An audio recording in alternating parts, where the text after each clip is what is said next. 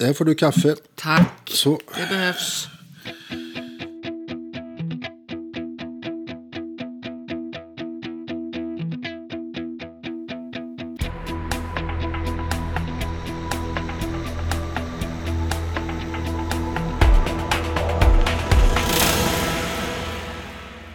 Det här är Peter och Maria. Det här är Peter och Maria. Ja, då sitter vi här igen. Ja. Vad ska vi hitta på idag då? Ja, jag tycker att det är bäst att du bestämmer. Det är bäst att jag bestämmer. Okej. Ja, som baron är man ju van att bestämma.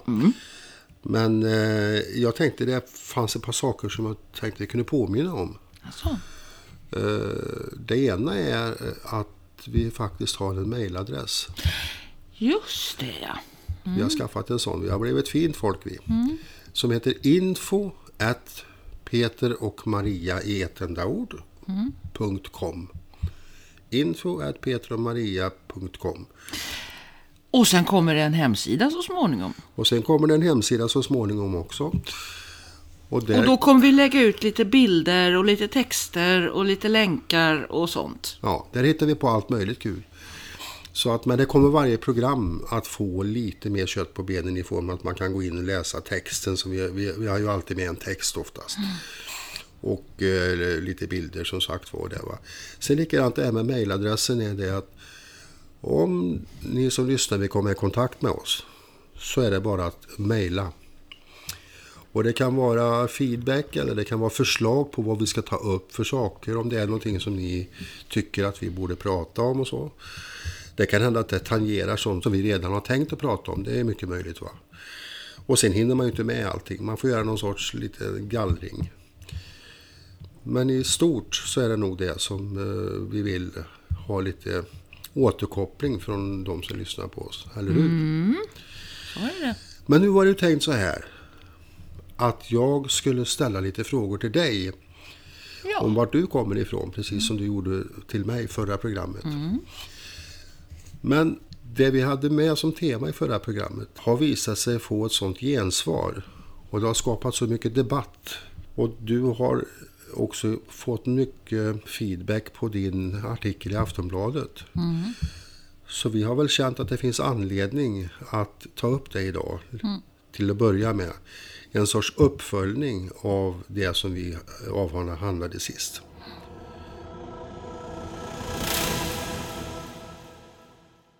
I vårt eh, första program så fokuserade vi på en märklig dom som Eh, avkunnades i Svea hovrätt eh, den 1 februari. Som handlade om att en pappa som var misshandelsdömd för att ha misshandlat sina två söner fick hela vårdnaden och hela umgänget med de här pojkarna. Eh, jag skrev en artikel om detta och det startade en väldigt omfattande debatt där jag blev kritiserad på en rad olika sätt och det diskuterades väldigt kraftigt kring detta. Och eh, även i Aftonbladet så kom det in en replik från en eh, grupp som heter Pappa Barn som eh, kan man säga i princip tycker att den där domen var jättebra. Den finns att läsa på Aftonbladet. Jag publicerade sen en artikel, slutreplik i den här, som jag tänkte be att få läsa upp här. Det är så här, den här handlar alltså om det som jag anser är det som krävs om vi nu verkligen menar allvar med att det är barnens bästa som ska gälla när det gäller vårdnad och umgänge. Jag tror faktiskt att det inte finns någon idag som skulle förneka att det förekommer våld inom familjer i Sverige. Detta faktum borde vara utgångspunkten för alla. Det centrala första steget är därför att på allvar inse att det förekommer våld inom familjer i Sverige. Tyvärr är det så idag att vi inte har några säkra uppgifter på hur omfattande detta problem är i samband med att föräldrar separerar. Det vi har är siffror på hur många vårdnadstvister som avgörs i domstol. Det var 6 324 år 2016. Men följande tre punkter har vi ingen samlad offentlig statistik om. För det första, hur många tusen barn handlar det om varje år? För det andra, i hur många fall har det tidigare förekommit så kallad orosanmälan? Och för det tredje, i hur många fall har det förekommit påståenden om våld mot barn eller föräldrar? Vi måste få dessa fakta. Regeringen bör ge SCB detta uppdrag. I dagens system för vårdnad och umgänge osynliggörs detta våld. BRIS och Rädda Barnen redovisar hur barn upplever att det våld de lever i osynliggörs. Dessa barns besvikelse på vuxenvärlden är smärtsam läsning. Att dessa barn finns, det vet vi.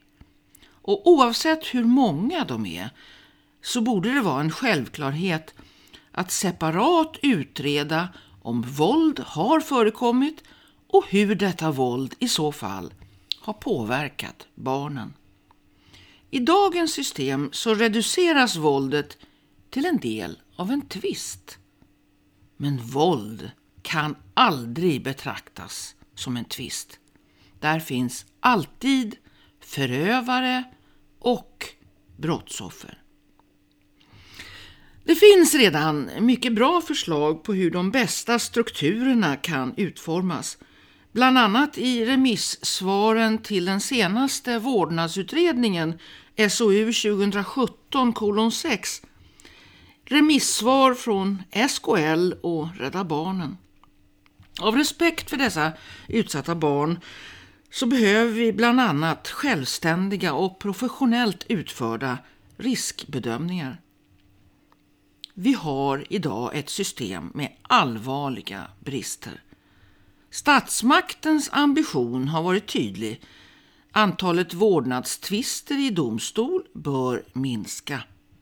Men en sån ambition kan naturligtvis inte vara det enda viktiga.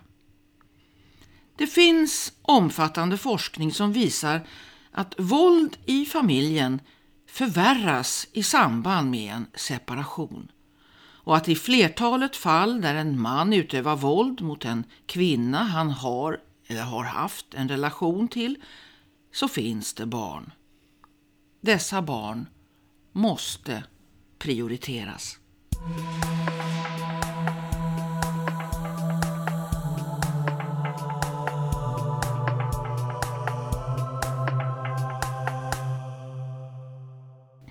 Ja, du har ju fått en del eh, reaktioner både på Facebook och på Aftonbladet efter den här texten. Mm. Vad, är, vad är din egen reaktion på reaktionerna så att säga? Vad, om du kort sammanfattar allt detta. Ja, alltså, det, det, det, man tar reaktionerna på den första artikeln och den diskussion som har varit dels på Aftonbladets eh, Facebook-sida och på eh, min egen Facebook-sida så eh, kan jag bara säga det att jag är förvånad över att så pass många män är sliriga när det gäller den här frågan. Jag tycker att det borde vara självklart hur man ställer sig och hur man solidariskt ställer sig när det handlar om barn som har utsatts för våld. Men så var det inte. Det finns många män, alltså inte bara män, men de flesta män som jag, som jag upplever har varit, så att säga, har reagerat som jag tycker är märkligt. Har, där har det handlat om att de solidariserar sig med den här mannen på något sätt. Och det, mm. det är för mig väldigt svårt att förstå. Ehm, på Aftonbladets eh, Facebook-sida så är det helt uppenbart att där har de ett härke snubbar som kommer in och tillhör den här så att säga papparörelsen. Det är helt uppenbart. Så det, det här är väl kanske inte väntat med något annat heller. Att där ska det vara, där är det ganska ganska rå ton. Va? Men det är invektiv mot mig och mot andra kvinnor som överhuvudtaget vågar öppna Det, van, näbben. det, det vanliga liksom, den vanliga retoriken. Ja, Ja. det, det, jag är rätt luttrad, så det, det är väl ungefär vad jag hade väntat mig. Men däremot människor som, jag, som är självklart antirasister till exempel, människor som är, själva skulle definiera sig som vänster i någon mening och, och så vidare, så är det som att hela den här frågan som handlar om, om, om eh, våld i familjen är Helt plötsligt så, så gäller inte de här andra reglerna som man tänker i andra sammanhang. Ja, Jag, jag har ju två saker som jag har tänkt på. Det ena är just detta att, att ingen nästan, det var kanske inte helt sant, men nästan ingen eh, pratar utifrån barnens per- perspektiv alls. Utan det handlar bara om pappan. Och det andra är hur svårt det är att ta ställning på något vis för många. När jag tycker att det här borde vara ganska lätt. Om jag pratar för mig själv som man så har jag inga som, har jag inga som helst problem att eh, ta ställning i den här frågan. Liksom. Jag känner liksom inte att man... Jag tillhör inget brödraskap som man behöver liksom vara lojal emot. Men det är en väldigt, väldigt känslig punkt. Mm, jag blev förvånad och jag är ändå, har ändå diskuterat den här frågan och liknande frågor i många, många år. Så blev jag ändå förvånad. Men jag tror att det är så att det finns, dels så finns det en massa, massa felaktiga för, föreställningar kring det här. Om det här med att kvinnor systematiskt ljuger och, och att det finns eh, en sorts, eh, den här idén om att eh, eh mammor eh, i princip hypnotiserar sina barn till att tycka illa om pappan. Alltså det finns så mycket absurda teorier som är eh, pseudovetenskapliga och som är avslöjade. Men som en del människor uppenbarligen har svalt utan att ta reda på källkritiskt vad finns det för grund till de här teorierna. Mm, mm. Och det, det förvånar mig. Alltså, anledningen till att jag skrev den här, den här repliken var att jag tycker att det är dags att vi tar nästa steg va, och diskuterar hur gör vi? Hur löser vi det här? Va? Nu står vi inför att eh, barnkonvention, barnrättskonventionen ska bli svensk lag. Och vi har ett gyllene tillfälle att se till att det verkligen blir barnens rätt som är det som kommer i första rummet. Och då Va? är det det här med våldet måste vi ta itu med först. Vad ska vi göra åt det då? Alltså det första som jag, jag är ju när det gäller eh, fakta och siffror så jag älskar ju siffror och, och jag älskar att göra grafer och jag vill ha ordning och reda. Oj, det förvånar mig. Ja. Och jag tror att vi behöver det, siffror. Vi behöver fakta. Så vi vet hur många är det? Hur många handlar det om? Vi vet att det är eh, sex, någonstans mellan 6 och 7 tusen. Det finns alltså ingen statistik på det här alls. Inte samlad på ett ställe, finns det inte. Alltså, man kan ju naturligtvis gå in i varje enskilt ärende och sen räkna själv. Men det finns ingen samlad statistik på hur många av de ärenden som hamnar i, i, i tingsrätten där det förekommer en orosanmälan till exempel innan. Eller hur många där det så att säga, där våldet finns med som en anklagelse eller som ett påstående eller som en tidigare dom. Ingenting av det här finns. Det måste ju vara en av de första sakerna som vi löser. Se till att SCB får det i uppdrag att Är- samla inte, detta. Är inte det lite förvånande med tanke på att de liksom för statistik över allting nästan? Det är väldigt förvånande tycker jag Hur också. många toarullar det går åt på varje tingsrätt har de säkert koll på. Men sånt här tydligen. Det, det, det, det, problemet är att det oftast är liksom vattentäta skott mellan olika myndigheter och varje myndighet sköter sin statistik och sköter sina siffror. Och sen är det på något sätt, det här är ju olika saker som går i varandra. Det är socialtjänsten och det, det är Domstolsverket och det är, ja, Socialstyrelsen och alltihopa har inte alltid den typen av tvärkommunikation som skulle behövas. Men här är det ju bara att ge ett uppdrag till SCB. De får plocka in Ja, vad- siffrorna. Vad tror du då, om man, om man får fram siffrorna? Vad ska man eh, göra med dem sen då? Vad, vad, vad- är nästa steg? Så att säga? För någonting måste ju hända. Alltså, nästa steg, det är när man vet. Alltså, de preliminära siffror som finns visar ju att av de här 6000 plus ärendena så är det alltså ett otroligt stort antal som man kan misstänka att det har förekommit våld. Och om vi tänker oss att det faktiskt är tusentals barn varje år som har utsatts eller bevittnat eller varit i samma rum som mamma som blir misshandlad eller vad det nu kan handla om så är det ju någonting som är ett stort problem. Va? Och då måste vi börja med att lösa det. Och vi kan inte reducera den frågan till att handla om en tvist. Utan då måste vi också ta itu med att skapa strukturer för att utreda de fall där det har förekommit våld. Hur hanterar vi det?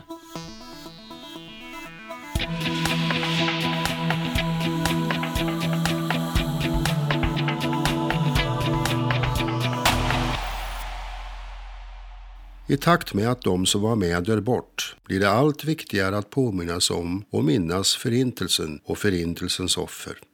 I Jo har kommunen sedan flera år låtit läsårets nior besöka Auschwitz. Därefter får eleverna presentera sina intryck i form av olika projektarbeten. Maria har träffat William, som var en av dem som var med på årets resa.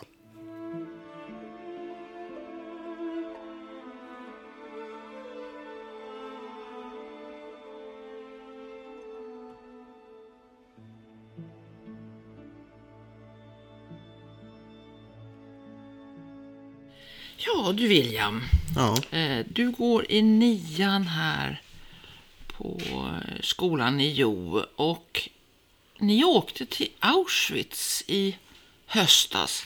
Alla fyra klasserna i nian. Hur många var ni som åkte? Det är typ drygt 20 i varje klass, så det var väl nästan 100 elever totalt som åkte. Men eh, två klasserna åkte i början av veckan och de två andra i slutet. Eh, Hade ni förberett er på något sätt innan ni åkte? Inte jättemycket, såklart packning och så fick vi typ veta en del innan också. Berätta hur det, hur det var när ni kom dit. För att ni flög och sen så åkte ni, när ni landade så åkte ni buss till där ni skulle bo. Och sen så fick ni ta er till eh, själva lägret. Berätta hur Det det var var, den ju- dagen. Vad var det för väder och så? Berätta. Vi var i Krakow där i några dagar. Första dagen kom vi dit typ eftermiddagen, kvällen. Och eh, så åt vi middag och lite sånt. Och sen andra dagen på morgonen så åkte vi iväg. Vi åkte buss i typ två timmar tror jag det var. Och sen så kom vi till Auschwitz 1. Vilket är det med så här Arbeit-Frau-skylten eller hur man ut- uttalar det. Jag är inte så bra på tyska. Eh, och eh, ja, det var väldigt spännande upplevelse. Väldigt känslosamt. Berätta. Eh, när vi kom dit, vi fick eh, möta vår guide. Man fick välja mellan att ha en svensk eller en engelsk. Eh, jag och de flesta av mina kompisar valde den engelska och vi är väldigt nöjda med det valet. Vi hade en jättebra guide. Och eh, ja, då fick vi hörlurar så att vi kunde höra vad han sa, vart han än var. Och så gick vi då mot eh, ingången. Då var ni på den här, alltså det här, de gamla tegelbyggnaderna och Ja. Auschwitz 1 så att säga. Ja, eh, när man eh, så här kommer där, det är porten med den här skylten som alla känner igen. Och sen så är det ju flera rader med byggnader och sen i mitten ungefär, precis till höger om själva skylten så är det ett stort kök. Där var det så väldigt många skorstenar som stack upp. Först när vi kom dit, eftersom jag hade knappt sett några bilder om hur det såg ut där innan, så trodde jag att det var gaskammaren. Men eh, det var det inte. Du sa att det var känslosamt. Vad var det som grep dig mest? Alltså, eh, på Auschwitz 1, det som grep mig mest var definitivt att gå in i själva gaskammaren som vi gjorde mot slutet. Men innan det så gick vi in i massa av byggnaderna där det var skyltar och foton och allt möjligt. Och det som har hänt. Var det någonting som överraskade dig? Som du kände så här, oj, det här, var det så här? Eller var det någonting? Helheten, det är väl det jag kan säga mest. Och då, då menar du med helheten, tänker du? Alltså allt. jag visste liksom så lite om det innan. Så det mesta som man fick lära mig när vi kom dit var en överraskning. Vad känner du att du vet nu? Vad kan du berätta? Nästan allt. Berätta någonting som du vet. Jag har alltså inte varit där. Eh, jo, eh, för det första, jag visste inte att det var flera läger. Det finns ju tre stycken. Jag tror att det är bara två av dem finns kvar nu. Och det är bara Auschwitz 1 som är då liksom helt bevarat. Allt fortfarande är exakt som det var då, men Vad var det som... Du sa att du hade... Innan så visste du inte så mycket, men nu vet du ganska mycket. Berätta någonting av det som du vet, som du lärde dig. Du var inne i gaskamrarna, eller gaskammaren, och, och du var i de här eh, andra rummen där det finns så att säga utställningar och sånt antar jag. ja, det fanns ju flera olika utställningar eh, där i de olika husen. Vi hade in, såklart inte tid att gå igenom alla. Jag vill definitivt åka dit någon gång igen i framtiden och gå igenom allt. Eftersom vi bara var där i två timmar ungefär. Vad var det som fanns i de här rummen då? Det var lite allt möjligt. Det var typ några modeller och det var foton. Det var väldigt många så här stora eh, skyltar med text om information och allt möjligt. Mm, Jag har såklart inte läst igenom alla. Ja, jag hade tagit en jätte, väldigt många foton med när jag var där. Men jag förlorade i princip alla fotona efter att, som att min telefon gick sönder nästan direkt efter att jag hade kommit hem. Var det någonting som överraskade dig, som gjorde dig så här, oj, Nu var det så pass länge sedan jag var där. Det var ju mm, snart ett halvår nästan. Eh, och jag kommer liksom inte ihåg jättemycket detaljerna. Men eh, ja, jag vet inte riktigt om det var något särskilt som överraskade mig. Det var, ja, som jag sa förut, helheten. att det är väldigt stort, tänker du på då? eller? Ja. Jag hade liksom inte sett någonting om hur det såg ut innan. Vad känner du då inför det? Alltså, jag inte riktigt hur man skulle förklara det. Menar du hur jag kände innan? Eller? Nej, vad, vad, vad kände du när du var där och när du tänker på det nu? Hur känns det att tänka på det? När du vet vad som hände. Alltså där. det är liksom eh, hemskt. Det är typ allt som går att säga. Mm, Det var en väldigt så här eh, mäktig upplevelse att vara där. Känner du att du har eh, så att säga, ändrats på något sätt så att nu vet du någonting som du inte visste förut? Ja. Mycket. Vad, hur, om du skulle beskriva det du känner att du vet? Men vi har gjort mycket så här om det i skolan. Som vi kommer prata med sen. Typ sett filmer och sånt. Så ja. Jag, jag vet ju väldigt mycket om det hela nu. Kan du förstå det eller förklara det på något sätt? Det är svårt. Det är väldigt svårt att förstå. Är du glad att ni fick möjlighet att åka dit? Definitivt. Och jag hoppas verkligen att andra skolor gör samma sak. Jag vet inte om jag kommer ihåg rätt, men jag är rätt säker på att min skola är typ en av de första som gjort den, i alla fall i området. Och det är flera andra i närheten som börjar få samma idé. När ni kom hem från Auschwitz så satte ni igång med ett projekt. Berätta. Jo, eh, jag och mina kompisar hade bestämt oss för att eh, återskapa Auschwitz 1 och eh, 2 som vi inte har klart med då, i ett datorspel som heter Minecraft. Som för de som inte vet är ett eh, så kallat sandbox-spel eh, som är i 3D där allting är åter, eller uppbyggt i så här block som man då kan använda för att då skapa egna byggnader och allt möjligt. Och eh, ja, då bestämde vi oss för att eh, återskapa Auschwitz 1. Eh, det, hela projektet tog ungefär tre veckor att bygga. Och eh, jag skulle nog säga att det var jag som gjorde majoriteten. Jag gjorde kanske någonstans mellan 60 och 80 procent. Och så hade jag några kompisar som hjälpte till med den delen också. För så här referensbilder och sånt eh, så använder vi till exempel Google Maps. Det finns många så här 3D-panoramabilder inuti. Och så finns det också en annan sida som har mycket mer detaljerade och många fler och från luften. Sådana panoramabilder. Och så hade en av mina kompisar tagit väldigt många foton också. Vad tänkte ni att den här skulle kunna göra? På vilket sätt skulle det vara, vara en bra idé, tyckte ni, att göra det här i 3D? Ja, vi bara tänkte det är en originell idé. Den här utställningen brukar se liksom hyfsat likadan ut för varje år.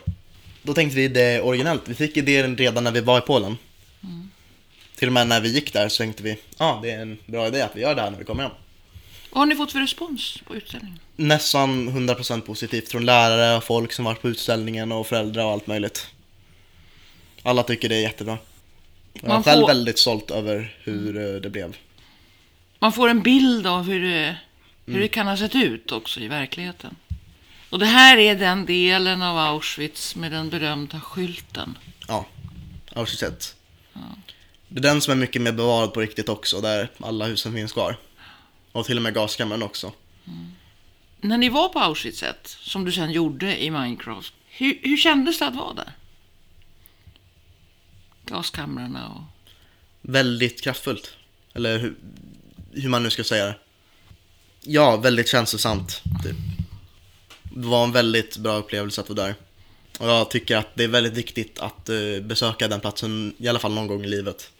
Du tycker att alla i din ålder ska göra en sån resa? Ja. Jag tycker definitivt att fler skolor borde börja investera i att också ha sådana där resor.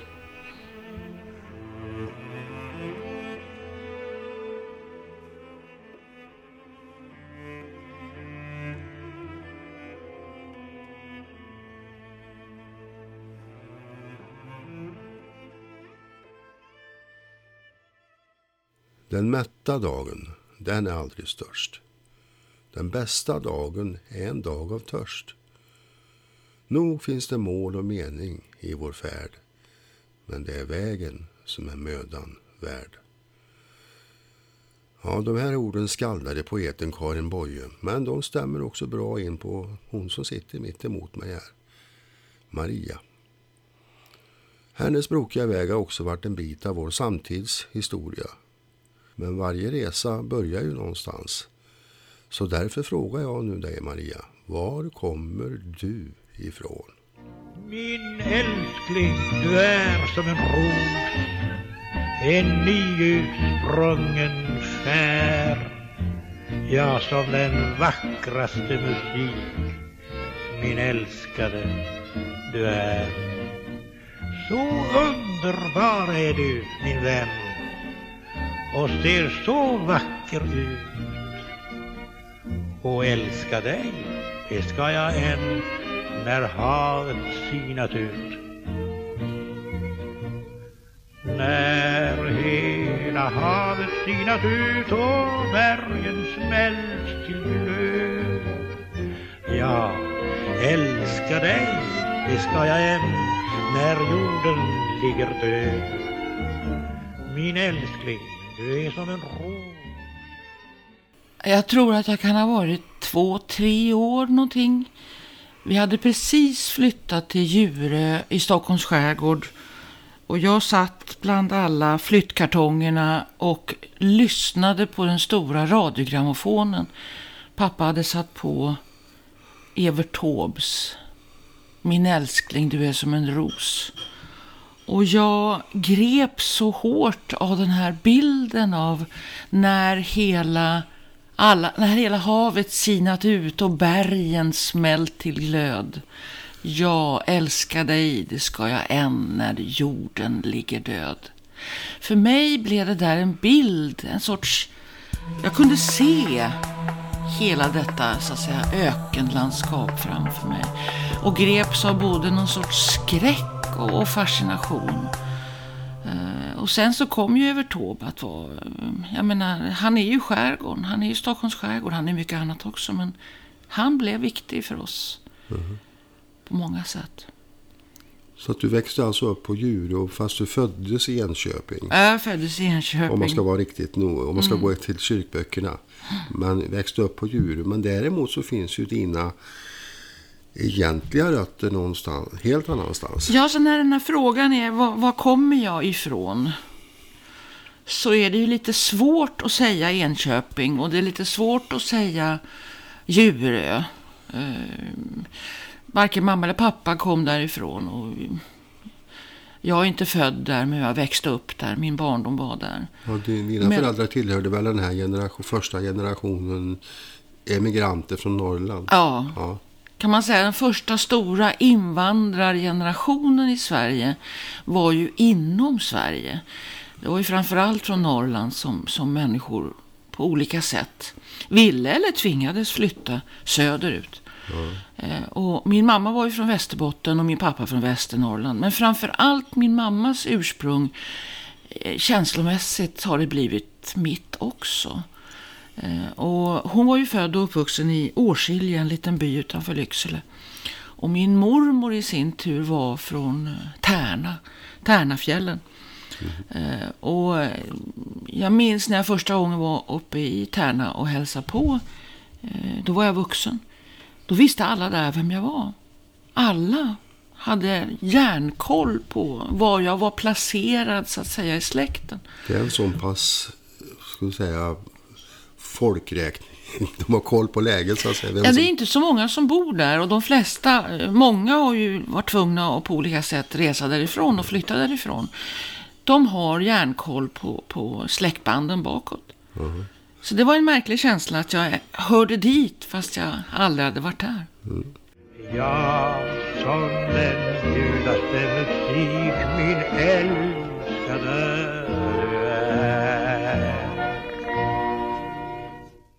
Årskilje sa du och din mamma kom ju därifrån. Då kommer jag att tänka på din morfar. Eh, som du hade ett speciellt förhållande till. Kan du berätta lite om det? När jag var sådär en 7, 8, 9 år så, och sprang omkring på, på gårdarna där i, på Djurö så eh, det jag tyckte var allra roligast det var att cykla, springa, klättra i berg, klättra i träd.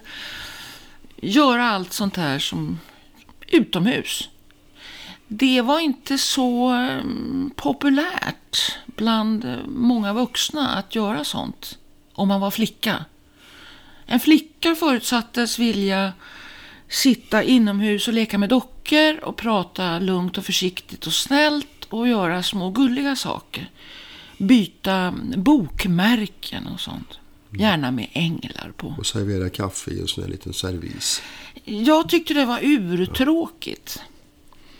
Och då insåg jag ganska snabbt att om jag ska få göra det här jag tycker om att göra så kan jag inte hålla på och, och tjafsa med folk som tycker att jag gjorde, borde göra någonting annat. Så jag sa till mamma, kan du klippa mitt hår kort, köpa mig en keps och så se till att jag, ja, jag vill inte ha klänning i fortsättningen utan jag har byxor, jeans. För då tror de att jag är kille och så får jag göra vad jag vill. Sagt och gjort. Min mamma gjorde som jag bad henne om och så blev det. Jag fortsatte att leka utomhus. Och var väl ensam tjej där bland en massa killar. Jag var lite som George i en de Blytons böcker. Hon som inte ville kallas för Georgina utan kallas för George.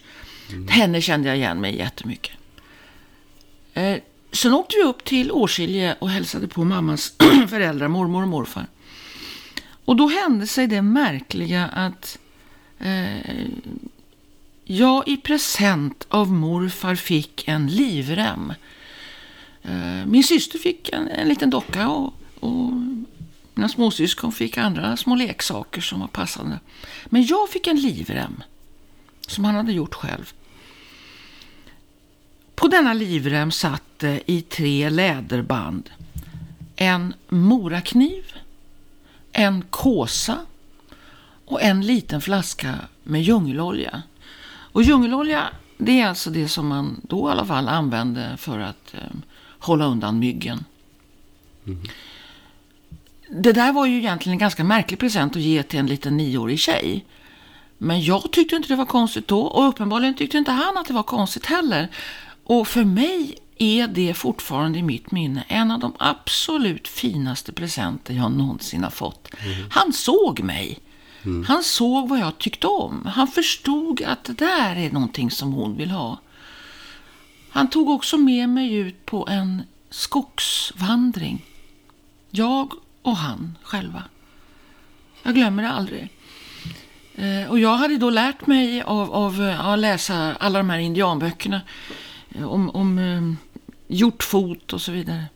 Att som indian finns det bara en sak som är viktig och det är att det inte hörs när man går i skogen. Så man får inte kliva på små kvistar och, och göra ljud utan man ska gå smyga försiktigt. Så jag ansträngde mig för att verkligen uppfylla detta på alla sätt.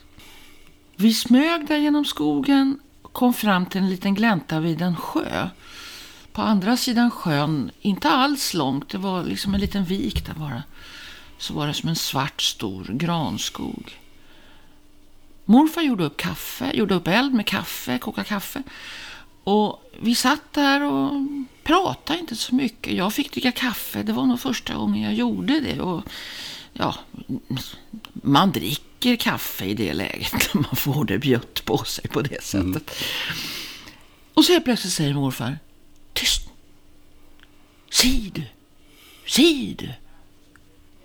Och jag tittade över vattnet. Och där i granskogen dök det upp en älg. En Stor älg. Och vi satt där och tittade en lång, lång stund. Ingen av oss sa någonting. Vi bara tittade på denna fantastiska älg. Mängd, alltså sånt mycket taggar. En sån, jag vet inte vad man kallar det, 14 taggar eller 12 taggar. En riktigt magisk upplevelse. Riktigt magisk upplevelse. Mm. Och så småningom så vandrade han tillbaka in i skogen. Han hade tuggat lite grann på lite granskott och så vidare. Mm. Fick du känna på lite grann då hur det var att vara indian fast i Sverige? Det var lite grann den känslan, det var det. Men, men just den här eh, eh, att han såg vem jag var. Ja. Han såg vem du var. Och inte förväntade sig inte som så många andra vuxna att du är flicka, du ska göra så här. Eh, flickor de ägnar sig åt det här. Eh, och det där som du gör nu och som du vill göra, det är sånt som pojkar gör. Mm. Det fanns ingenting av det.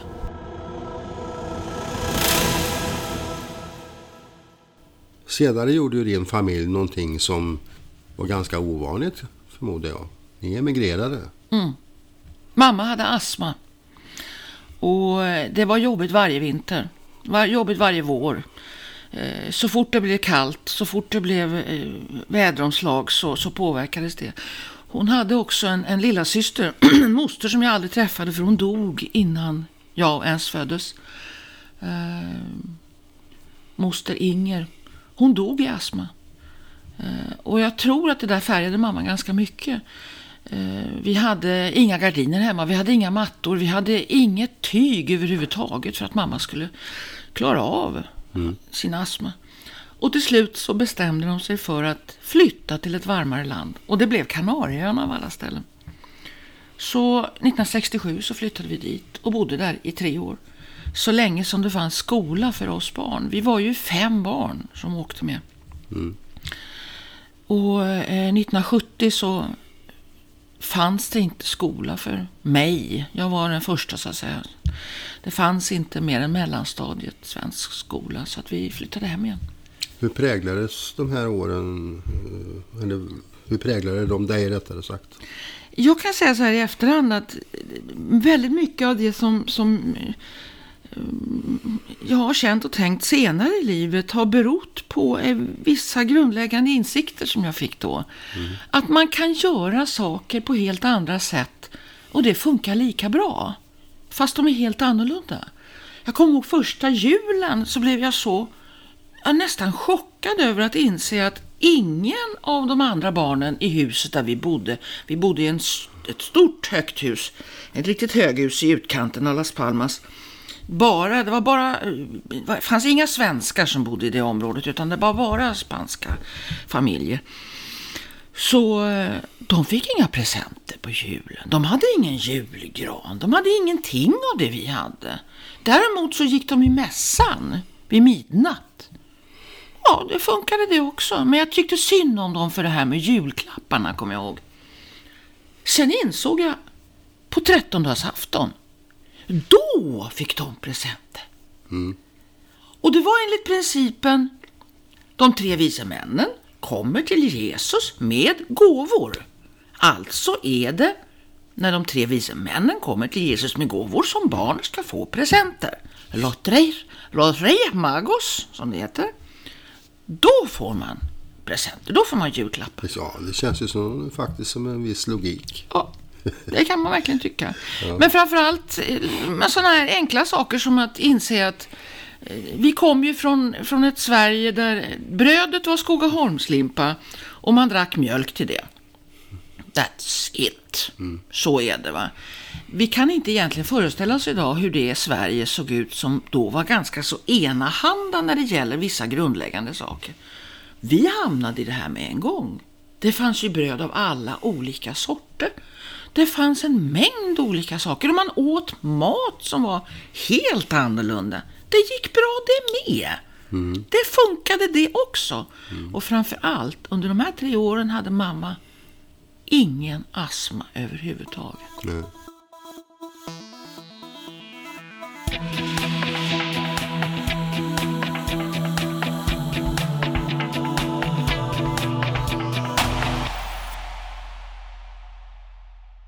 Jag tänkte på, du har berättat en gång för mig om någonting med ett bibliotek. Just ja. Det var väl på eh, Las Ja, vi, vi, vi, eh, pappa och mamma var ju konstnärer, konsthantverkare.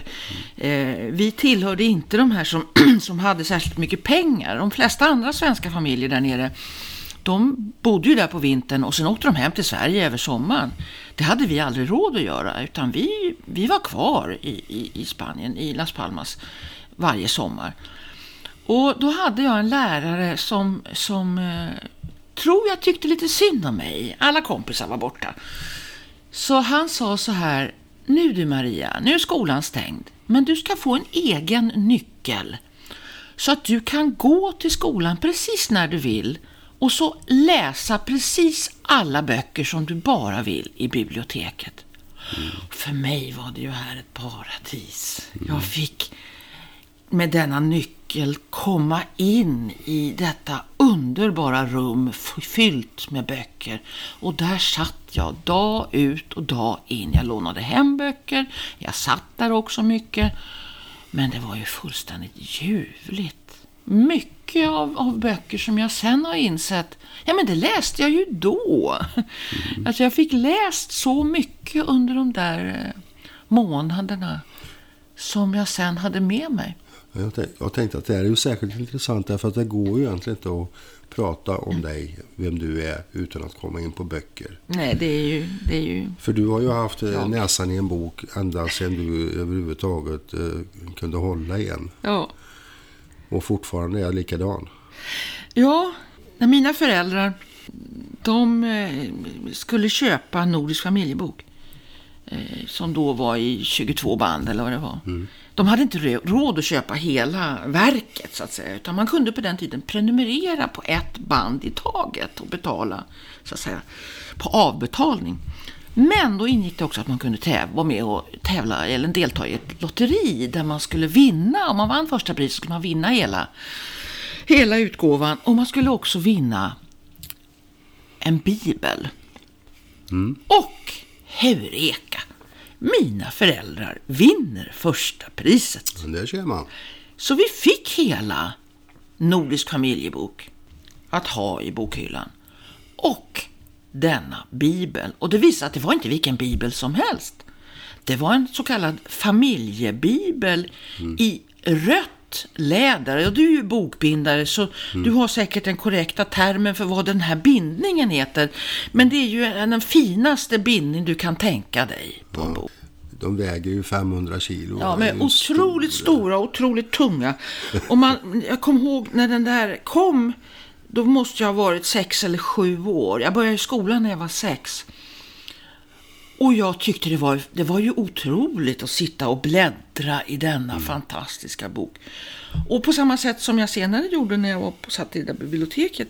Jag läste och läste och läste och läste och läste och läste högt och lågt och förstod väl hälften eller kanske en tiondel av det jag läste. Men jag läste. Och det, dessa fantastiska bokstäver som var tryckta i guld. Och det var Rembrandts eh, etsningar. Ja, det var inte Doré. Nej, det var det inte. Det var Rembrandt. Det var Rembrandt.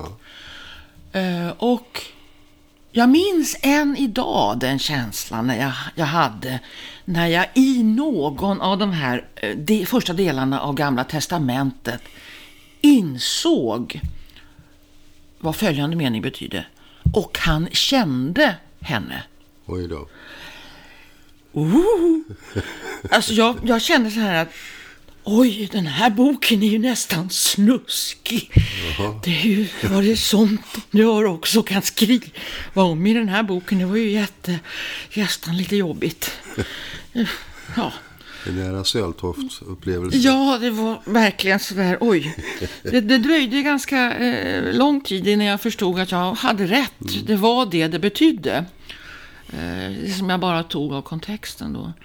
Men böcker har alltid varit, jag älskar böcker, jag älskar lukten av böcker, jag älskar att läsa böcker, jag älskar eh, att ha böcker omkring mig. Eh, Och, och jag menar, köpa böcker så mycket jag bara får och orkar och har råd med. Och du har läst några tusen. Jag har läst, jag vet inte hur många jag har läst. Jag har läst en hel del. Ja. Men då kommer vi ju också in på en, en annan sak som kan ju vara lite förknippat med böckerna kan man säga. Det är ju så att sen återvände ni ju till Sverige. Och eh, där gick du färdigt skolan och sen gick du på gymnasiet. Och sen hamnade du i Göteborg eh, på en alldeles särskild institution som kom att betyda mycket för dig antar jag. Kan du berätta? Jag började läsa filosofi.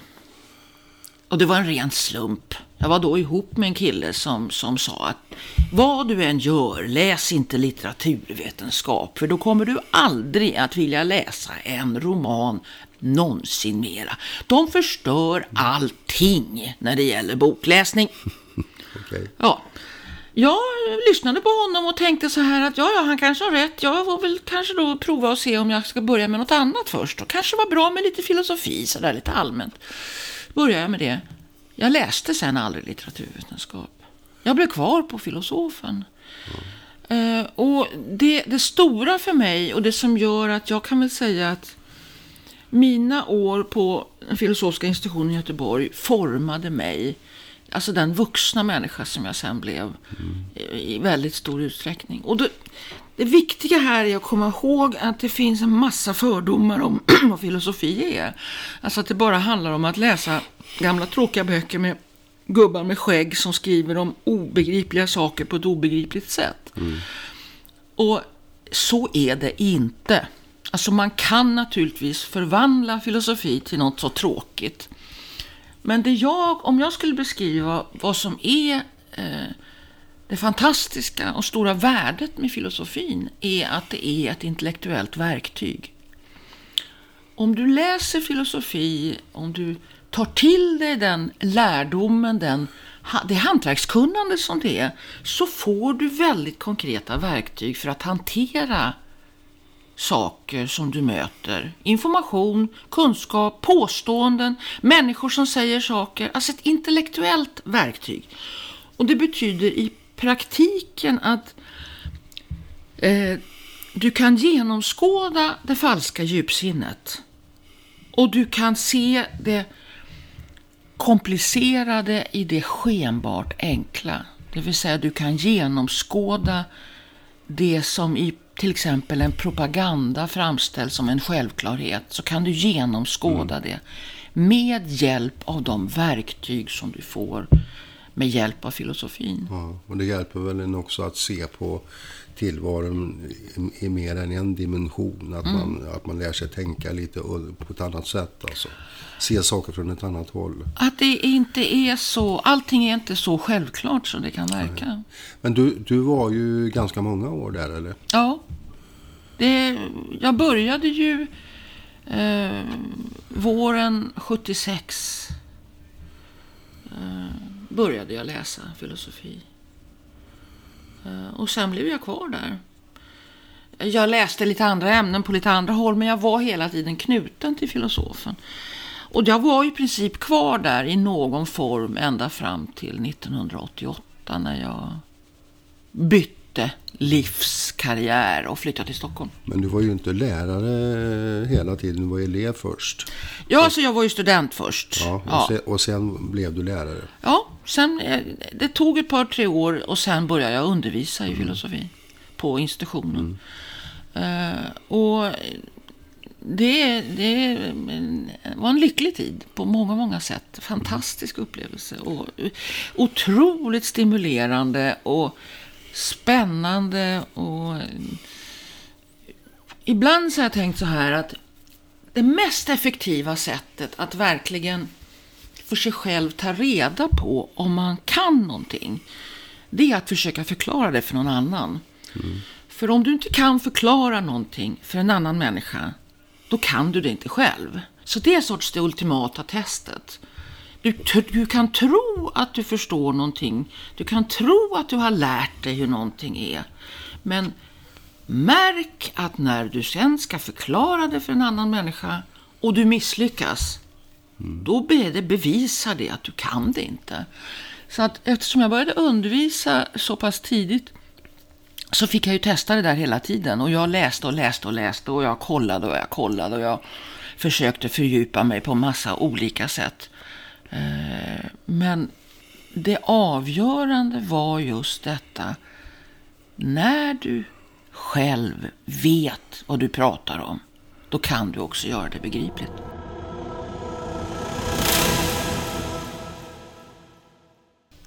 Sen inträffade någonting som eh, blev lite smolk i bägaren för dig på ett sätt.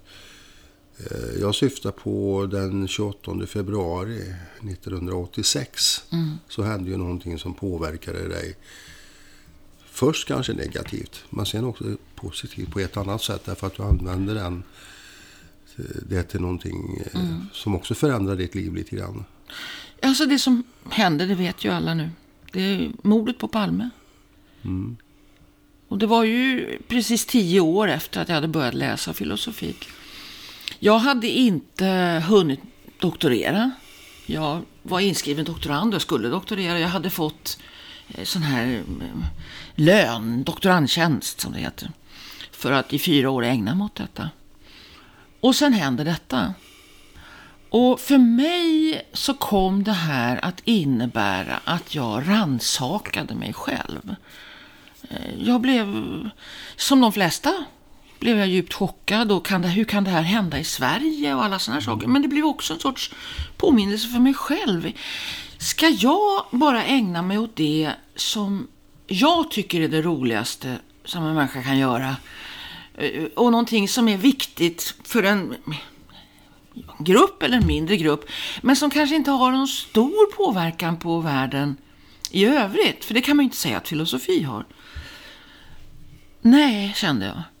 Jag måste göra något mer av mitt liv. Då var jag 29 och jag bestämde mig för att engagera mig eh, politiskt. Och det var då också för mig ganska naturligt att, att eh, eh, ringa till SSU och fråga om de hade någon nytta av en sån som jag. Jag kunde ju spanska då, det var ju det. Jag kunde spanska, jag kunde hjälpa till och kanske översätta lite och sånt. Ja, visst. 29, det är lika, du är lika gammal som jag så det går jättebra. Så där började det. Eh, och jag var med och jag gjorde saker som att jag simultantolkade på kongresser och sånt där. Ja, du var utsänd i Östtyskland bland annat. Ja, jag var utsänd i Östtyskland och, och eh, en av de sista gångerna som Honecker höll i en sån här kongress. Och jag kommer ihåg att de försökte få mig att undvika att prata i mitt tal om, om, om Tjeckoslovakien 68 och om, om uh, Ungern 56. Men eh, jag snuvade dem på den. Jag sa det ändå. Och det var så här, oh nej, det får man De inte säga. sig. Ja, jag sa det i alla fall. Nåväl, eh, jag, eh, jag var ju inte alltså, engagerad så att jag var liksom representant någonstans i första hand. Utan jag var en sån här hjälpreda som hjälpte till med att översätta saker. Det var i första hand det jag gjorde. Och sen eh, efter ungefär två år så bestämde jag mig för att söka in till Journalisthögskolan. Mm. Och du blev journalist. Och jag blev journalist. Och då... eh, Och då släppte jag också det här partikopplingen till SSU och till Socialdemokraterna. Om vi ska komma in lite grann på din karriär som journalist så är ju den ganska så eh, omfattande. Du har varit nyhetsankare, du har varit reporter, du har varit med och startat upp Nyhetsmorgon, tillhörde det lilla teamet som var pionjärer där, 92. 92 ja. Underbar tid. Underbar tid. Vi började på ingenting. Vi hade inga som helst resurser. I stort sett så köpte vi våra egna pennor.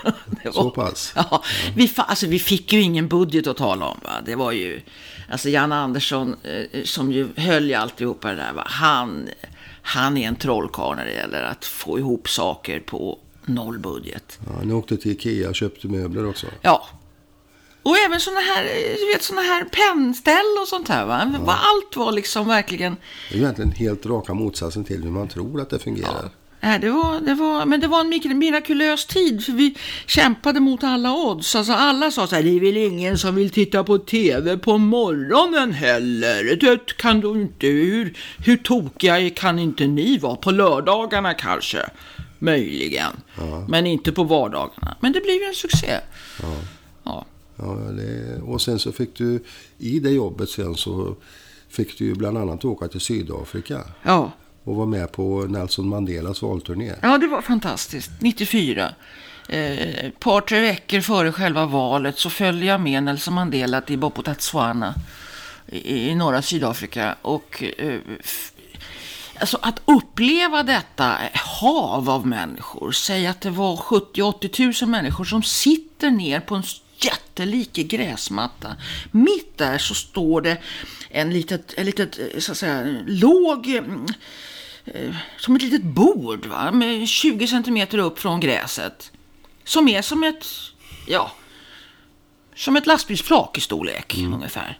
Där stod han med en mikrofon och pratade inför alla dessa människor. Som för, för dem, han, de hade ju aldrig sett honom annat än eh, på tv någon gång kanske. Överhuvudtaget, han var ju som en gud. Denna upplevelse för mig var ju också, jag menar jag glömmer det aldrig. Jag gjorde en ståuppa där, där jag fick honom bakom mig. Jag känner fortfarande den där ståuppan där jag står och säger någonting som jag nu inte kommer ihåg hur viktigt det kan ha varit. Det är fortfarande en sån stark upplevelse. Det är jag och Nelson, typ. Du vet. Eh, Så att, eh, jag menar, det, det är... Och jag, än idag kan jag gräma mig över att jag var så eh, imponerad av honom så jag vågade inte gå fram till honom och fråga om en intervju. Det är en av de saker som jag verkligen kan känna. Jag kan slå mig ibland. Varför vågade jag inte ens göra det? Jag var så, han var så stor, va? så jag vågade inte.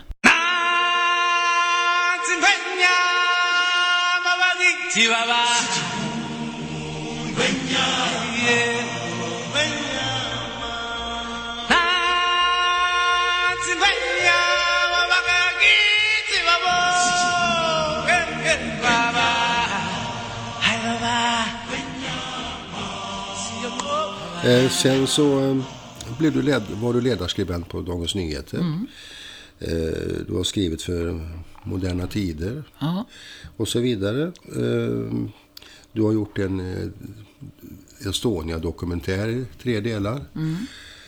Du har varit i Tjernobyl Ja. och gjort eh, reportage därifrån. Du fick Stora Journalistpriset och det var kopplat till Estonia. Ja.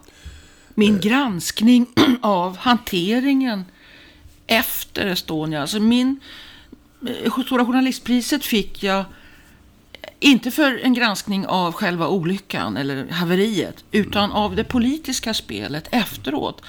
Och eh, nu vet inte jag om det är sant, men det påstods då i alla fall att det jag skrev bidrog till att stoppa den här övertäckningen. Det fanns ju en plan där att när, när, man, när man hade så att säga, förbjudit folk att, att leta efter sina döda så skulle man täcka hela vraket med betong för 100 miljoner. Och då såg jag och bidrog jag till att det där stoppades för det var för groteskt. Är det en svindlande känsla tycker du att där du sitter och skriver vid ditt skrivbord som kommer från dig liksom så och kan få en sån påverkan? Så här i efterhand kan jag känna det. Det kände jag inte då. Då gick ju allting i ett hela tiden. Det var ju så mycket, mycket, mycket som hände i det där spelet efter, efter haveriet och det politiska och Ines Usman som gjorde fadäs efter fadäs efter fadäs och alla de här konstiga uttalanden som gjordes från olika politiker och så vidare och hur illa man behandlade eh, de anhöriga. Det är fortfarande någonting som jag tycker är en riktig skamfläck hur man behandlade människor då. Men jag tänkte aldrig på min egen roll i detta. Inte då, men nu kan jag känna det att ja, men det var ju jag bidrog faktiskt. Och när man finns i den världen som du fanns i då. eh, Du sitter med i radio i filosofiska rummet, du är med i tv-debatter eh, i stort sett var och varannan vecka. Eh, Du sitter i sådana här paneler i, i, i radio och tv också och, och tycker och tänker. Va? Är det en värld som är lätt att bli fartblind i? Ja, det är det ju. Det är det ju. Man blir väldigt lätt van vid den och man blir väldigt lätt eh, man kan, man kan väldigt lätt bli förtjust i sin egen röst. Och Jag har ju väldigt intressanta saker att säga. Och att någon gång ibland inse att ja, så jävla intressant är det ju inte alltid.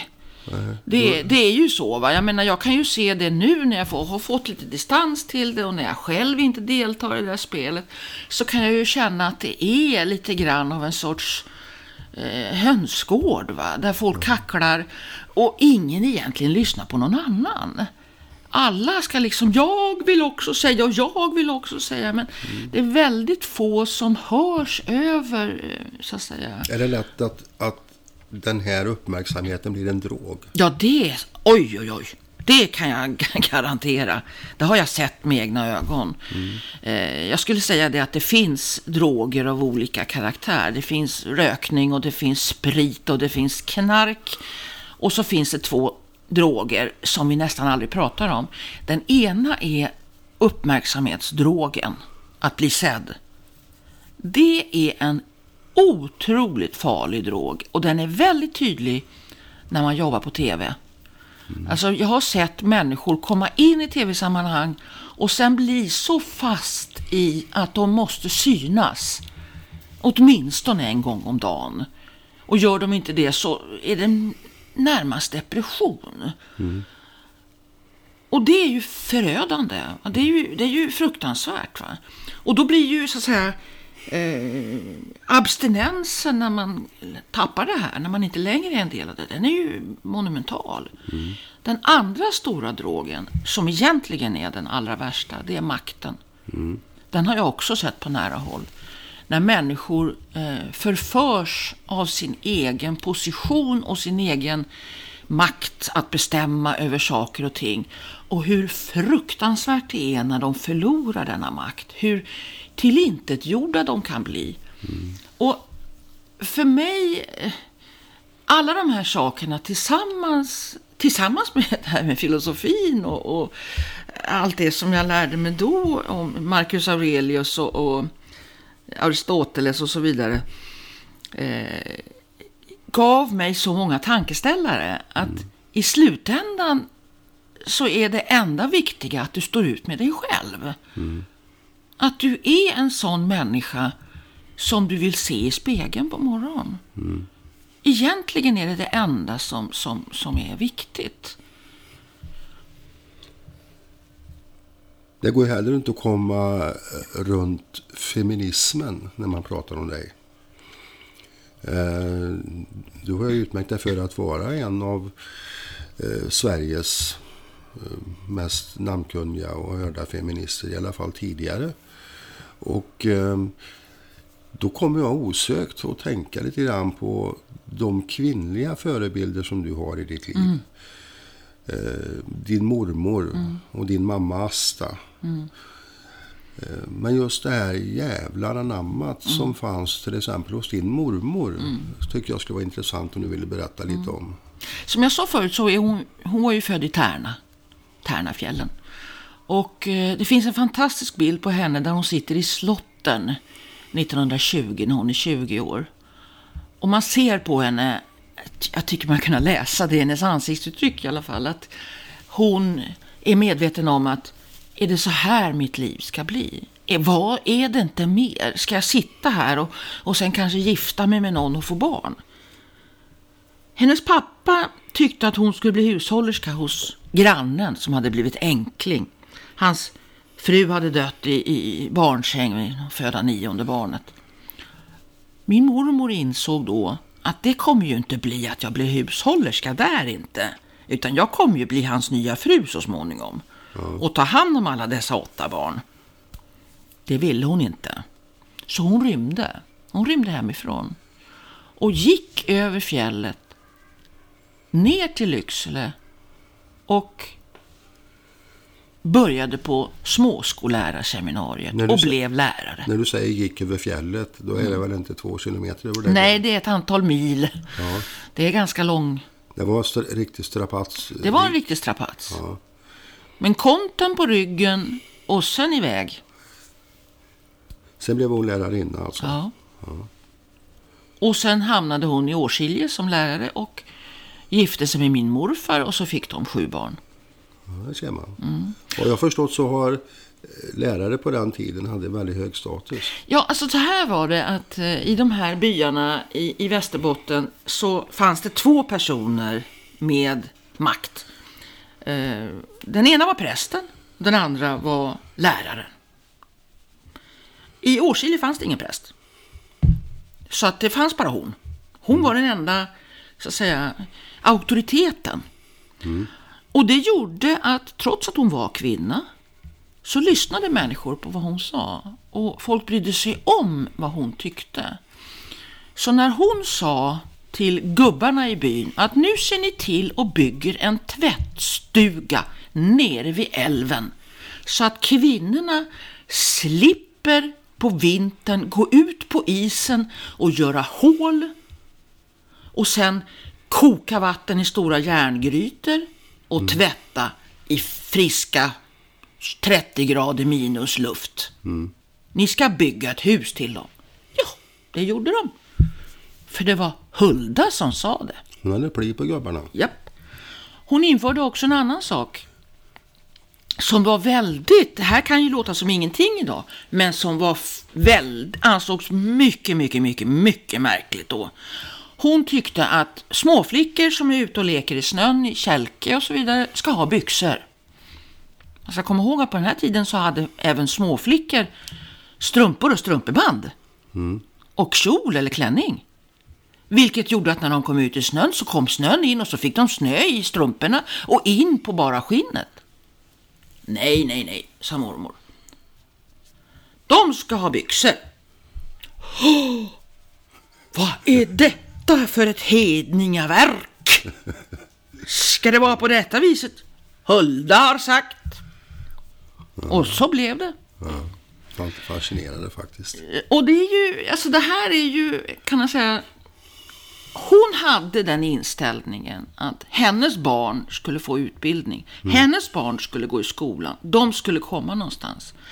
Så min mamma åkte som 12-åring till Lycksele och gick på realskolan och sen så småningom som 16-åring till Stockholm. Och gick på Bröderna Pålmans handelsinstitut och blev eh, privatsekreterare som det hette med specialisering på tysk stenografi. Din mamma har ju betytt väldigt mycket för dig. Jag vet att eh, du återkommer ganska ofta till henne och det är ju många uttryck också som hon har planterat. Spring och skrik. Spring och skrik, ja. Hopp i galopp. Spring och skrik har ju blivit mitt lika mycket som det en gång var hennes. eh, och det är ju eh, ja, folk vänjer sig. I början så börjar kanske folk undra vad, vad menas med det? Det betyder ingenting. Det är bara, man eh, tar till det det. Ut ungar och spring och skrik. Mm, spring och skrik. Mamma var en, en fullständigt unik människa.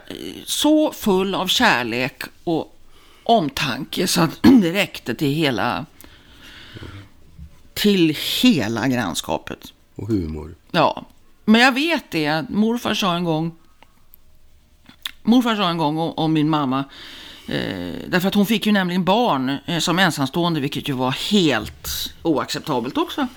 Hon var ogift mamma i Stockholm början på 50-talet. Det var inte lätt. Innan hon träffade pappa. Eh, och eh, hon ansågs då vara liksom en förtappad kvinna. Morfars försvarade henne. Och han sa vid ett tillfälle när mamma bjöd på mat, hela släkten, så sa han så här. Så slog han även i bordet och så sa han, ja det får ni säga vad ni vill om Asta. Men hon har stora grytan. Det vill säga, hon är generös. Hon är generös och det är nog det som jag känner är kanske det, det som jag, en av de saker som jag värderar högst hos en människa. Att vara generös. Både med saker, men också med kärlek och med, med, med omtanke och alla sådana här saker. Det är liksom Med sig själv att ge. Att ge förbehållslöst. Det var mamma Asta. Ja, det var mamma Asta. Och hon gjorde inte skillnad på folk. Nej. Aldrig. Hon gjorde aldrig skillnad på folk. Hon kunde prata med vem som helst om vad som helst. Och det var, det var fantastiskt. Feminismen har ju sin förlängning också sen i det som kom, kom att bli din s- nästa karriär så att säga. När du kommer in i Europaparlamentet.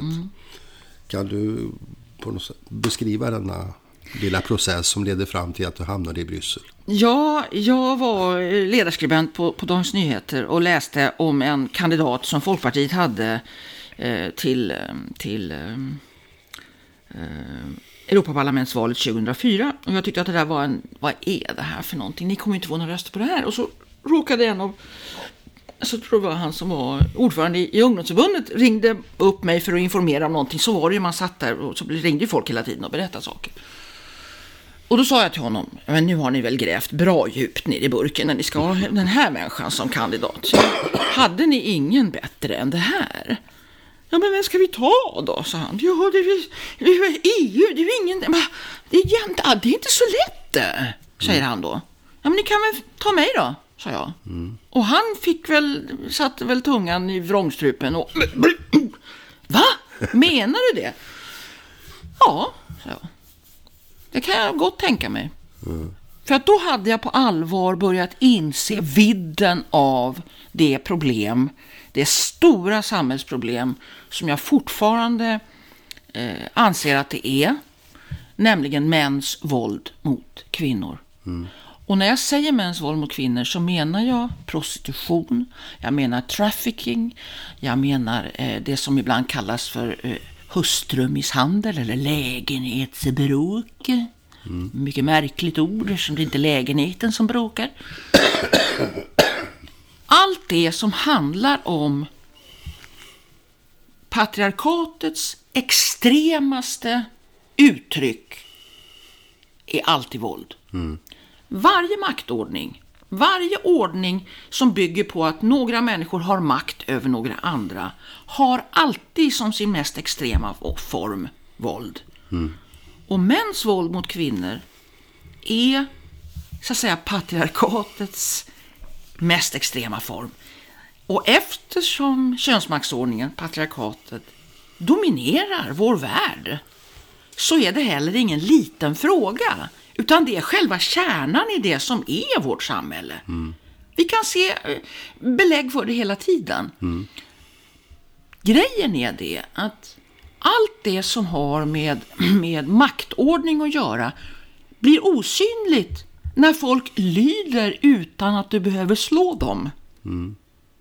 Alltså om folk gör som du säger utan att du behöver stå där med en käpp och daska dem i rumpan.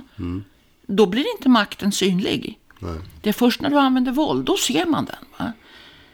Det vill säga, det är först när de undertryckta till exempel gör revolution eller säger ifrån eller bråkar eller när en kvinna säger till sin man, jag vill skiljas.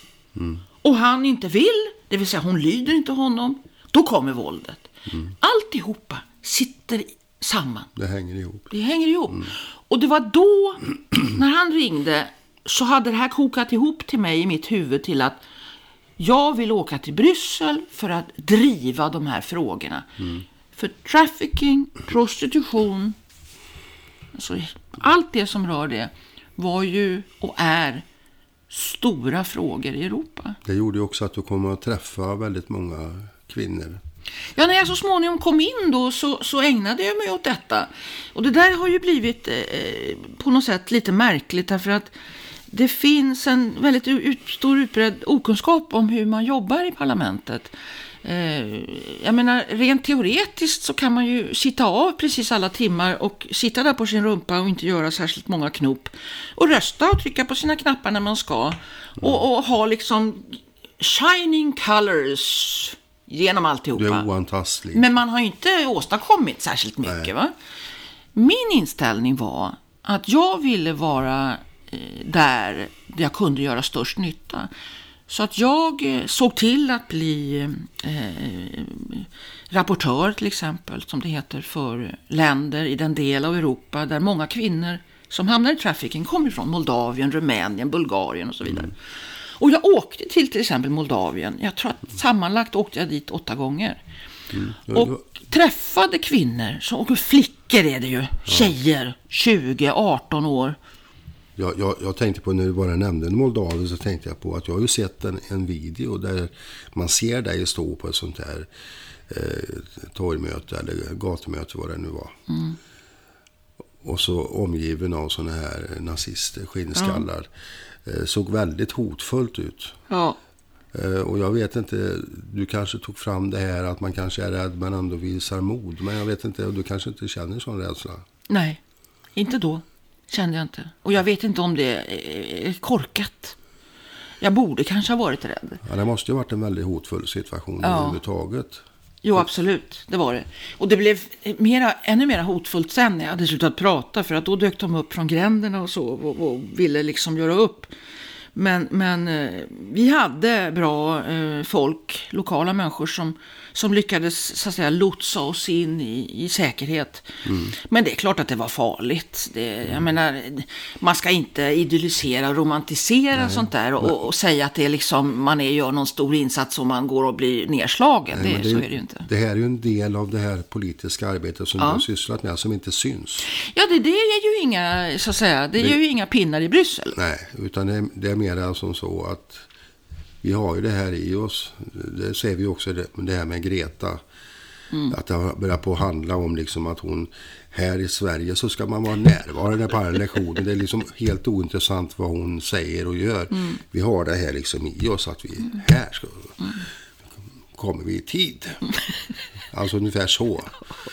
Ja. Men alltså, jag har aldrig brytt mig särskilt mycket om den där typen av, av eh, kommentarer och åsikter. Ja, för mig har det alltid handlat om att försöka göra, eh, försöka göra så gott jag kan. Och, och, och, veta att ja, men man misslyckas hela tiden ändå. Mm. Och man, man eh, klarar inte av att hinna allt man skulle vilja hinna. Och jag menar, så här i efterhand så kan jag väl säga att de fem åren i Bryssel är inte de lyckligaste åren i mitt liv. Det, det var alldeles för mycket resande till exempel. Mm. Jag, menar, jag minns att det fanns, eh, det fanns gånger när jag kände så här att eh, en dag när jag inte behöver sitta på en flygplats är en bra dag. Mm. Det var så fruktansvärt mycket resor. Mm. Långa resor, korta resor eh, och hela tiden ett flängande fram och tillbaka. Och jag vet ju att det, det är också så väldigt många politiker har det. Så folk tror att det här är så himla glassigt och, mm. och att det är så lyxigt och man får träffas. Nej, väldigt mycket handlar om att sitta och vänta på ett flyg eller sitta och vänta på en tågstation. Och sen missar man det och sen så vaknar man klockan fyra av att man ska gå av det här jäkla tåget. Väldigt mycket handlar om sånt. Jag, jag, jag delade ju de två sista åren med dig när du var i Bryssel. Mm. Och det som slog mig det var det här att det var hela tiden tv-debatter och åka och hålla tal någonstans och tidningar som ringde och mm. det var tv-team här som filmade dig här hemma när du satt och pratade. Så, kom, alltså hela mm. tiden den här. Mm. Eh, och det är klart att man är aldrig privat. Nej. Och det blir ju påfrestande. Ja, alltså jag tror att det, det, det är väl kanske inte alla passar inte för det. Nej. Och för mig var det så att det, det, det, det, som till slut gjorde att jag kroknade på alltihopa. Det var ju den här känslan att jag förstörde någonting i mitt eget sinne som hade att göra med att läsa text. Alltså eftersom jag älskar böcker och älskar litteratur och älskar att läsa fantastiska, spännande och så vidare historier. Och även faktaböcker och biografier och så vidare. Det språk som finns i den där världen med rapporter och statements och så vidare är ett andefattigt och eh, könlöst språk utan någon som helst smak eller lukt eller någonting. Mm. Det är, och det händer någonting när man läser sådana texter dag ut och dag in. För mig var det så att det var en sån sorg när jag upptäckte att jag kan inte läsa en roman längre. Jag mm. kan inte det. Jag har förstört någonting in i huvudet. Så att när jag slutade där 2009 så bestämde jag mig för att nu ska jag inte läsa sånt överhuvudtaget. Nu ska jag, nu ska jag eh, komma tillbaka till böckernas värld. Och jag gjorde ju det. Eh, men, men alltså... Nej, jag, jag skulle aldrig någonsin kandidera för något parti i någon som helst sammanhang något mera. Det passar jag inte för. En sak som du är, är väldigt eh, mån om, eller vad man ska säga, det är att allting ska vara så korrekt som möjligt. Och du är en passionerad sökare efter fakta. Och eh, någonting som du brukar säga är att du måste förstå. Mm. Och det, allt det här har ju också lett in på att du gör dina grafer. Uh, vad är det som är så viktigt med dem? Så här är det med det här med att begripa. När jag hör någonting som jag inte har hört förut eller som jag inte har begripit eh, sen tidigare, som jag inte kan någonting om, så eh, blir jag både nyfiken och lite irriterad. Jag känner så här, jag måste förstå det här. Om någon, ta ett exempel, om någon säger så här att nu är det så här att eh, antalet eh, människor som mördades i Sverige år 2002 var så här, så här. Och så säger jag så här, ja men hur många var det 99 då? Ja, det vet jag inte. Då måste jag ta reda på det. Mm. Jag måste veta. Mm. Och jag måste veta med råge. Mm. Alltså inte bara veta det här ytliga, utan veta ordentligt. Så att jag har liksom lite grann att stå på. Och då kan jag bli lugn. Mm. alltså det är, det är liksom ett behov jag har av att begripa saker. Ja, för att kunskap är ju någonting i, i det fallet som måste ses över tid. Mm. Eller info, fakta och information. Därför att annars så får du det här som i Norge. Att du har x antal mord och sen så kommer Breivik. Mm och gör att siffran bara pekar rakt upp. Och då kan man säga så att i Norge där har ju morden gått upp. Alltså, därför måste man ju titta på det kanske under en tioårsperiod. Mm. Och, och det är det du försöker att få fram antar jag. Ja, alltså jag har ju då det här att det här kanske låter konstigt, men jag vill i första hand handlar det om att jag vill att jag ska begripa. Ja. Det är min första ambition. Eh, har jag inte uppnått det, då kan, jag, då kan andra vara. Mm. Först måste jag förstå själv. Mm. När jag väl tycker att jag har förstått själv, då kommer det här lite grann där, om man så vill, folkbildande eh, kärleken som jag har. Då vill jag berätta för alla andra, för alla andra måste väl vara precis lika angelägna om att veta som jag. Jag utgår i min enfald från att alla är som jag. Absolut. Och att de också är sådär, åh vad spännande, var det 37 ja. år 99? Det var ju fantastiskt. De flesta är ju inte så jäkla intresserade, men jag har ändå den känslan av att de kommer bli jätteglada.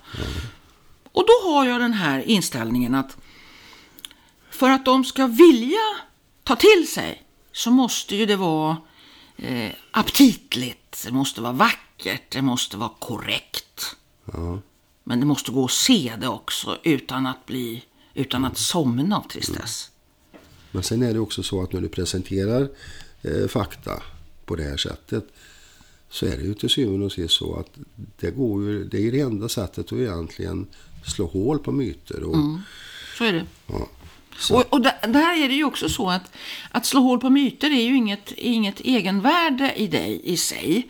Utan det det handlar om är att, det, det, här måste man vara medveten om, att den stora, det stora angreppet på det, det samhällssystem som vi lever i, den, alltså den västerländska liberala demokratin. Det är det som kommer från till exempel Trump och som kommer från till exempel SD och som kommer från lite andra håll. Va? Det är ett försök att sudda ut skillnaden på vad som är sant och falskt. Mm. Allting blir åsikter. Mm. Och det är inte en slump att de gör det här angreppet. Det är själva kärnan i deras ideologi. Mm. För om du upphäver skillnaden på sant och falskt, då är allting möjligt. Mm. Då kan du göra vad som helst. Det vill säga, då är det makten som bestämmer. Makten och makten enbart. Och då har du resultatet av det är den fullt utvuxna fascismen, nazismen. Kan man säga att livet, politiken och filosofin hör ihop? Att det inte går att skilja dem åt? För mig är det så. Mm. För mig är det så. Att man måste se allting i ett sammanhang. Ja. Allt ifrån det vardagliga livet till det som händer i samhället. Ja. Till grafer som berättar saker och ja. ting om sakernas tillstånd. Mm. Exakt, så, så känner jag det. Jag, jag, ibland har jag ju fått så här, men du kan du inte sluta hålla på och lägga ut sådana där politiska saker på Facebook och bara lägga ut lite trevliga saker. Sådana här vanliga saker som folk brukar lägga ut och inte sådana där jobbiga grejer. Mm. Och, och, det där förstår inte jag. För att jag älskar det jag lägger ut. Mm. Alltså det är det jag brinner för och det jag tycker är kul. Mm. Alltså det är inte så att det är någon sorts plikt Är det någon sorts tråkig, tyvärr måste jag nu meddela. Så funkar det inte. Utan jag älskar det här. Va? Och jag tycker det är roligt med samband och sammanhang och förstå. Och jag vill att människor ska se vad som är viktigt och vad som är mindre viktigt. Och jag vill också att det ska hela tiden finnas den där lilla, lilla udden av självironi, humor och att inte ta sig själv på så helvete stort allvar. Men du, mitt i allt detta då så innebär det också samtidigt att du, du har ju blivit kontroversiell på många sätt för många människor. Ja, tydligen. Jag vet inte ja. varför. Och det har ju dels att göra med att du inte är rädd att ta en fight. Nej. Och du är inte rädd att säga vad du tycker.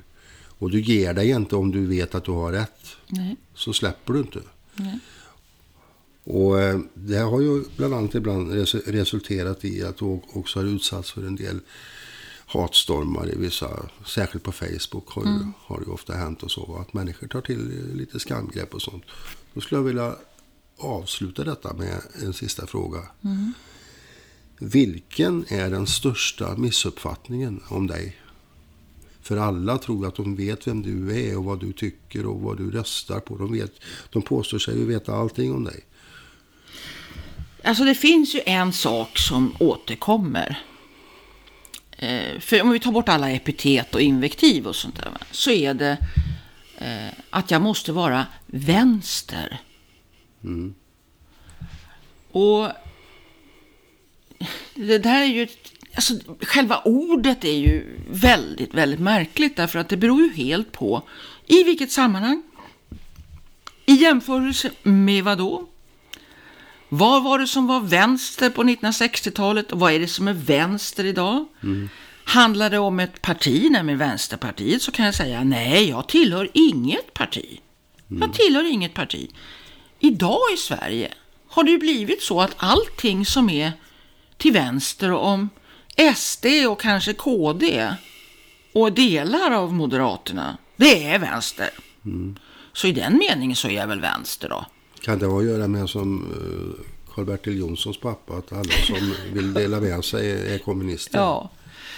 Det är lika befängt. Ja, nej men alltså jag tror att det, det finns en, en, Jag har ju gått igenom eh, både i mitt eget liv och i den tid som jag har levt så många olika politiska omsvängningar och Berlinmurens fall och, och apartheidregimens fall och så vidare. Och du själv har ju gjort en politisk resa. Du är ju inte rädd för att ändra det om du Nej, alltså jag skulle vilja säga det att eh, jag har haft i stort sett ungefär samma uppsättning uppfattningar.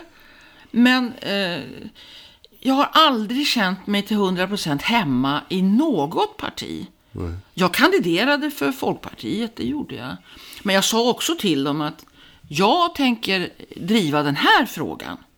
Och om jag inte får göra det, alltså det här är den enda fråga jag tänker jobba för, då vill jag inte vara med. Då tänker jag inte kandidera.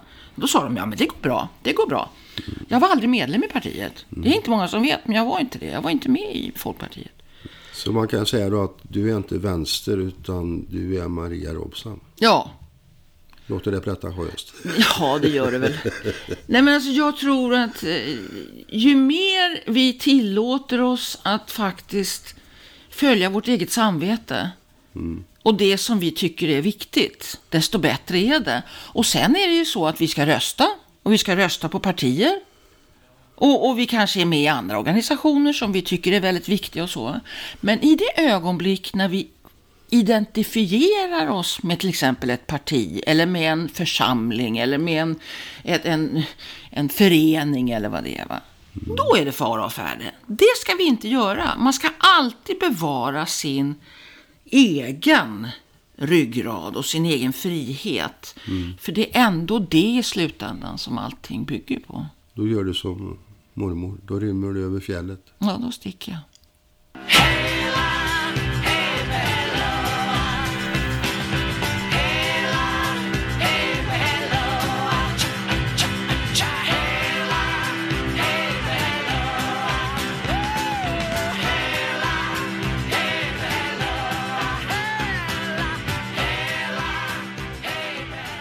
Om det gällde för mig att uppfostra mig själv på mitt eget sätt finns det ingen livsstil så bra att jag skulle vilja låsa mig vid den så hårt att jag aldrig kunde kasta loss. Så skrev Michel de Montaigne 1588. Vi hörs nästa vecka. Spring och skrik.